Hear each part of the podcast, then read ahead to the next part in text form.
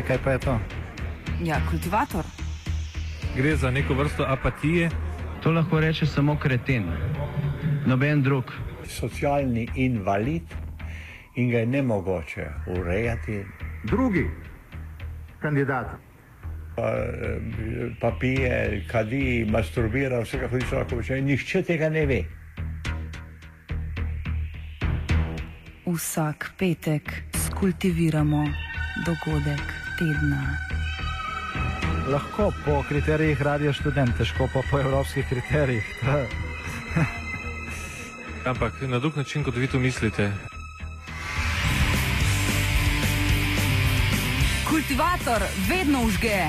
da pač nekdo sploh omenja probleme, ki so in da pravzaprav sploh nekdo sproži dogajanje uh, v družbi. To drži, drži.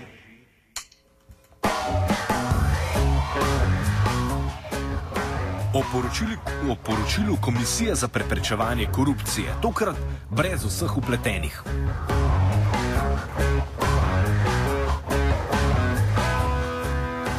Komisija za preprečevanje korupcije je v torek objavila zaključno poročilo nadzora nad premoženskim stanjem predstavnikov parlamentarnih strank. Dobra novica je, da pri večini predstavnikov strank niso našli nikakršnih nepravilnosti. Slaba novica, zaradi katere je ta teden na slovenskem ob objavi omenjenega poročila ojegnila prava bomba, pa je, da so bile večje nepravilnosti ugotovljene pri prvakih dveh največjih parlamentarnih strank, ki sta poleg tega tudi visoka javna funkcionarja. Zoran Jankovič in Ivan Janas Janša po navedbah zaključnega in dokončnega poročila komisije nista spoštovala zakonskih rokov za prijavo svojega premoženja po zakonu o integriteti in preprečevanju korupcije. Nekaterih svojih sredstev, sredstev sploh nista prijavila ali pa so bile njune finančne transakcije obremenjene z izradi, izrazitimi korupcijskimi tveganji in sumi zlorabe položaja. Po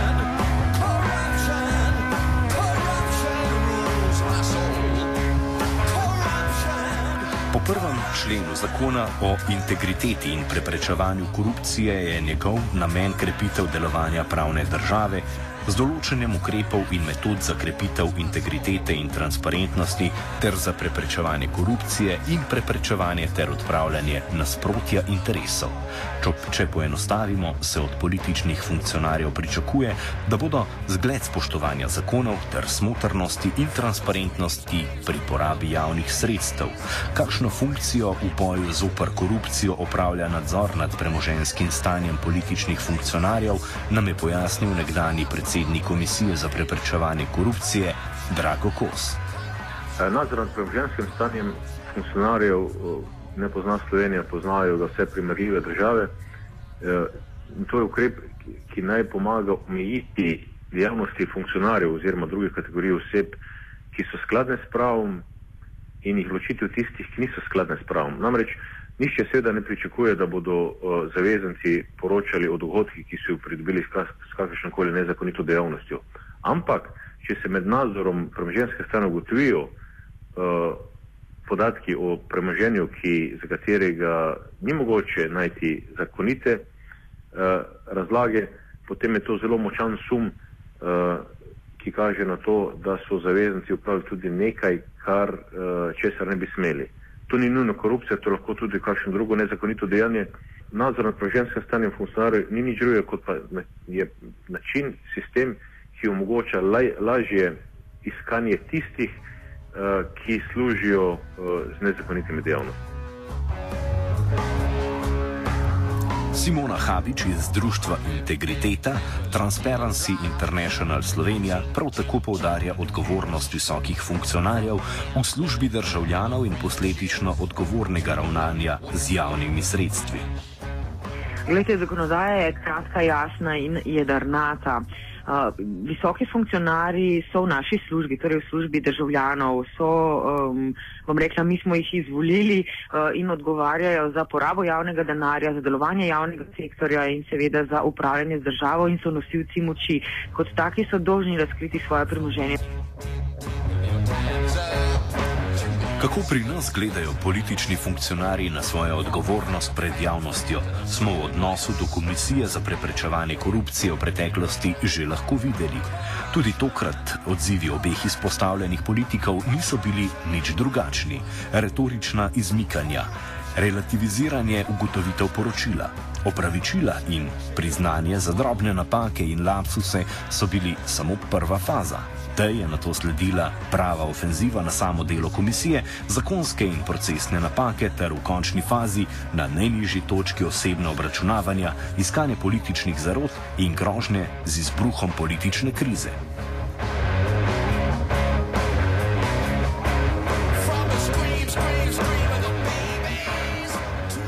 Za vas smo tako zbrali venček najbolj ilustrativnih izjav Jana Zajanše in Zorana Jankoviča, izrečenih v informativnih oddajah nacionalne televizije. Začnimo kar s predsednikom vlade. Če bi jaz res imel takšne vere, kot navaja protikorupcijska komisija, se, ver, se verjetno ne bi preselil v nek zaselek pri Šentilju, ampak eh, v Rožno dolino ali pa v Murgle, ker bi si kupil kakšno vilo. No, ni šlo posod za dveletni zamik, je pa eh, pri nekaterih eh, teh prijavah šlo za zamudo. Mes se je zakonodaja spremenila, jaz sem to spregledal, zato je tudi prihajalo do teh zamud in ne drži, da jaz kakšnega svojih, svojega kakšnega dela svojega premoženja nisem prijavil, ker tukaj ne gre za eh, tako pomembno kršitev. In najel sem kredit, ki ga protikorupcijska komisija tukaj enostavno pozabi. Zdaj, ta trditev je strte zvita, tega takrat res nisem prijavil, nisem povedal, da gre to za poroštvo, jaz sem samo kot solasnik pač dal soglasje pri kreditu. Mes je bilo tudi osebno poroštvo, ne, eh, ki sem ga jaz pregledal. Ne. Res pa je, da je bil to spregled, da to ni bilo prijavljeno protikorupcijski komisiji komisiji in te, ta ugotovitev je točna. To seveda ni res. Ne. Prav na vsako vprašanje, ki so mi ga poslali, sem jaz odgovoril in zadeve pojasnil. Res pa je, da komisija stoji na stališču, da jaz do leta 2004, ne, ko sem imel 25 let delovne dobe, nisem zaslužil nič. No, nobena od teh številk ne, ni nepojasnjena. So pa, so pa nekatere v tem poročilu uh, zmanipulirane. In uh, to je kompenzacija, ki se tukaj pojavlja pri nakupu avtomobila in še v dveh primerjih. Pač, ne vem, kako je prišlo do te napake, ko je komisija me na to opozorila, sem iz komisije poslal celotno dokumentacijo o nakupu avtomobila in mimo grede. Predsednik protikorupcijske komisije, ki je predvsem mlajši od mene, vozi boljši avtomobil od mene. Takšne stavke je gospod Praprotnik, ki je bil še novinar dnevnika, o meni napisal neštetokrat. Ne. E, ne pristajam pa na to, da se predtem nimam pravice bran, da je to nekaj dokončnega da je to sodba, ki eh, pomeni tudi že likvidacijo. Ne. Ne, zagotovo jaz v tem času nisem pridobil za 200 tisoč evrov rekel, nepojasnenega premoženja, to je rekel, zelo debela stvar. Gre tudi za gospoda Klemenčiča, nekdanjega državnega sekretarja gospe Kresalove, ki je trdo, da je nakup uh, nepremičnine za NPO popolnoma korekten bil v komisiji, ki je to korupcijsko dejanje odobrila. In... Ker ti meni komisija ne očita korupcije, meni očita sum tveganja korupcije. Jaz mislim, da je komisija potrebna in da bo ostala, vendar je treba tudi um, zakonsko dodelati, da imamo vsaj pravico, do, preden pride končno poročilo, da vidimo tisto mesto poročilo kot je račun sodišče in da damo vsaj nek ugovor. Premoženje je ostalo isto. Se pravi, da premoženje se ni spremenilo, jaz sem ga prijavil. Ja, ampak premoženje se ni spremenilo. Takrat sem dobil nazaj kredit in zakupil delnice Krk in Luke Koper. Vmes sem Krko prodal ne, in je tam nastala zguba 40%. Ne, ker sem imel iz premoženja, ki sem ga imel v denarju, sem kupil delnice. Ampak premoženje ostane isto. Ampak vrednost premoženja ni zrasla. Položil sem v petih letih na svoj tekoči račun 29.500 evrov. Kaj je tu sporenega? In oni meni sporočajo, da ne bo reševal v mediji, pa se so oni začeli v medijih. Na komisijo so strani političnih podpornikov in sledilcev obeh začele leteti tudi različne obtožbe o nezakonitem delovanju pri pripravi in objavi poročila. Pravnika Mira Cerarja smo zato takoj na začetku vprašali, ali v zvezi s poročilom vidi kakršne koli odstopanja od zakonske podlage. Uh, ne, nasprotno, jaz mislim, da je poročilo zelo skrbno pripravljeno, ugotovitve so jasno navedene in temeljito obrazložene, tudi je pojasneno, kakšne pravice in možnosti sta imela oba visoka funkcionarja, da v teku postopka podata svoja stališča. Tako da jaz v samem poročilu protikorupcijske komisije ne vidim ničesar spornega. Ampak eh, zdaj bi recimo navedel uh, 13. člen, 7. odstavek 13. člena tega zakona, ki pravi, uh, kadar se približno takole, ne, kadar se ugotovitve komisije nanašajo na določeno fizično ali pravno osebo, komisija osnutek ugotovitve pred javno objavo pošlje tej osebi, ki se lahko v roku sedmih delovnih dni izjasni o navedbah v ugotovitvah in tako naprej. Uh, tu dejansko zdaj prihaja do nekih uh, različnih interpretacij. Moram priznati, da se v ta uh, vidik še nisem natančneje poglobil. Kolikor sem iz poročila razbral, sta imela oba politika v času pridobivanja informacij dovolj možnosti, da se o vsem tem, kar se je torej poizvedovalo, izjasnita. Tako da mislim, da tu teh možnosti, kolikor ste jih pač imela, očitno niste izkoristila, se tako nekako izhaja posredno ali neposredno sporočila. Eh, glede, bi rekel, samega obveščanja, pa pač seveda je razlago sprijela uh, protikorupcijska komisija. Ob tem omenimo še, da iz samega poročila komisije izhaja, da so različni zavezanci že med samim postopkom posredno ali neposredno z različnimi očitki in insinuacijami o pristranskosti komisije skušali oteževati njeno delo. Še en dokaz torej o spoštovanju etike in institucij pravne države strani najvišjih funkcionarjev. Ponovno nič novega, torej kot glede svojega nekdanjega dela in položaja pove tudi Drago Kos. Ja, moje izkušnje so takšne, kot, kot jih sedaj doživlja tudi sedanja komisija za vrčevanje korupcije. Namreč vse preveč je zadev, pri katerih je nam ali sedanji komisiji uspelo dokazati, Eh, najpomembnejši nosilci oblasti v tej državi ne ravnajo v skladu z pričakovano etiko, v skladu z zakonodajo in so se zaradi tega porajali in se še porajajo resne sumi v njihovo integriteto.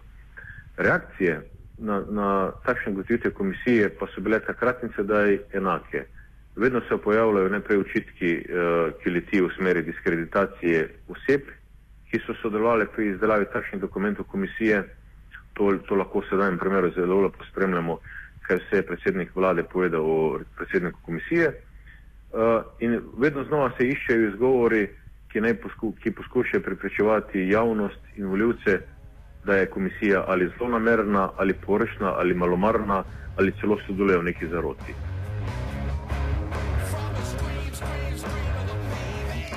Pravniku Miru Cerarju se morebitne zakonske nejasnosti v primeru poročila zdijo razmeroma nepomembne v primerjavi s težo očitanih dejanj predsedniku vlade in ljubljanskemu županu. Še enkrat pa pravim, da seveda tudi če je ta procesni vidik nekoliko lahko pač diskutabilen, eh, ne smemo izpred oči izgubiti bistva poročila in tistega, kar nam tu v osnovi sporoča. To pa je pač jasno ugotovitev, da je prišlo do nekih relativno težkih kršitev zakona, tu ne gre za neke manjše spodosljaje se strani obeh visokih politikov in to je tista teža, ki jo to poročilo nosi. In seveda dogajanje v zvezi z njimi ima zato razumljivo tudi zelo velike politične uh, posledice lahko. Ob tem Cerar poudarja, da je relativiziranje poročila neprimerno, sploh pa strani dveh visokih funkcionarjev, ki bi po zakonu o integriteti morala biti za zgled. Kaj ti? Poročilo je pač uh, sprejel uh, pomemben državni organ, uh, ki je, kot rečeno, ga oblikoval zelo skrbno, natančno, odgovorno in to storil v skladu s svojimi pristojnostmi. Tu gre pravzaprav za spoštovanje pravne države in državnih institucij. In dopuščam pa seveda, kar se mi zdi normalno, pa javno razpravo o teh uh, zadevah, ki so se v poročilu pojavile. In seveda tudi dopuščam možnost, da bosta oba politična funkcionarja iskala uh, tudi uh, morda ustrezno pravno varstvo na sodišču. Kar pa se seveda zaenkrat do neke mere še eh, do, do neke mere torej nejasno, kaj ti vemo, da je odločitev, torej poročilo komisije dokončna in se zastavlja vprašanje, ali je tu in v kakšnem okviru sploh možno in dopustno pravno varstvo. Eh, Cerar tako še meni, da bi poročilo nujno moralo sprožiti nekatere posledice. Torej, to poročilo zagotovo, kar kliče po ugotavljanju politične odgovornosti obeh visokih javnih funkcionarjev, torej politikov. No in seveda smo že tudi priča javni razpravi, pa tudi uh, diskusijam v strankah o tem, kakšna naj bi ta odgovornost bila, čeprav seveda osebno menim, da bi le morala oba sama v največji meri razumljivo prevzeti odločitev o tem, kako bosta tu se na to politično odzvala. In še nekaj besed o politični kulturi na slovenski strankarski sceni, ki se je razumljivo razdelila na dva pola. Tistega, ki mora braniti svoja dva voditelja, in drugega, ki iz aktualne situacije skuša potegniti zgolj največ koristi zase. Za ilustracijo ponujamo še kolaž izjav omenjenih strankarskih mešetarjev. V državljanski listi ne pristajamo na to, da bi državo ali občino vodil kdorkoli, ki ne zna, ne, noče ali ne more pred pristojnim organom pojasniti izvora svojega premoženja. Štirje so bili proti. To je bistvo zadeve. Vsi so ugotavljali oziroma trdili svoje mnenje, da gre za politikansko, za politikanski konstrukt, ki je osnovan na zelo čudnih predpostavkah. Štirje so bili proti. Oni ne morejo odločati, kaj je bilo, in glede na to, da se v tem političnem prostoru pač žal stvari zlorabljajo za politične diskreditacije, osebno menim, da mora imeti človek pravico na sodišču pokazati svojo nedolžnost. Štirje so bili proti. Vkolikor Zoranu Jankoviču dokažejo, da vir premoženja ni uh, na, na pravilen način predovljen, potem pa je to že re, resna zadeva.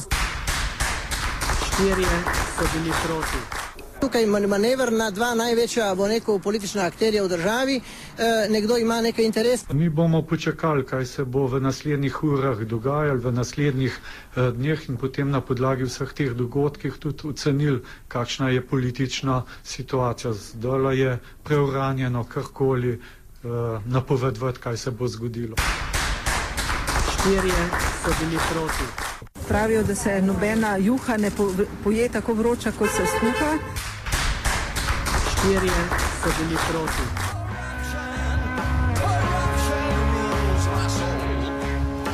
V prihodnje se tako lahko nadejamo še veliko govoričanja o pogubnosti politične krize in nujnosti politične stabilnosti. Simona Habič iz Humanotera je prepričana, da je kriza že prisotna in da se precejšen del razlogov za njo skriva tudi v ugotovitvah Komisije za preprečevanje korupcije. Politična kriza že nekaj časa obstaja. Politična kriza ni samo to, da če predsednik vlade odstopi ali da če uh, prvak opozicije odstopi. Politična kriza že je v državi. Politično krizo lahko merimo z intenziteto politikov in z njihovo družbeno neodgovornostjo. Neodgovornostjo, da in do porabe javnih sredstev in do izčrpavanja državnega premoženja oziroma proračuna. Enostavno ne morejo se sklicevati na to, da bo nastala politična kriza. Mi že živimo v politični krizi in uh, to dokazujejo tudi protesti in nezadovoljstvo ljudi. Poročilo Komisije za preprečevanje korupcije in odzive na nas sta kultivirala Matej Šebenik in Tadej Lapanja.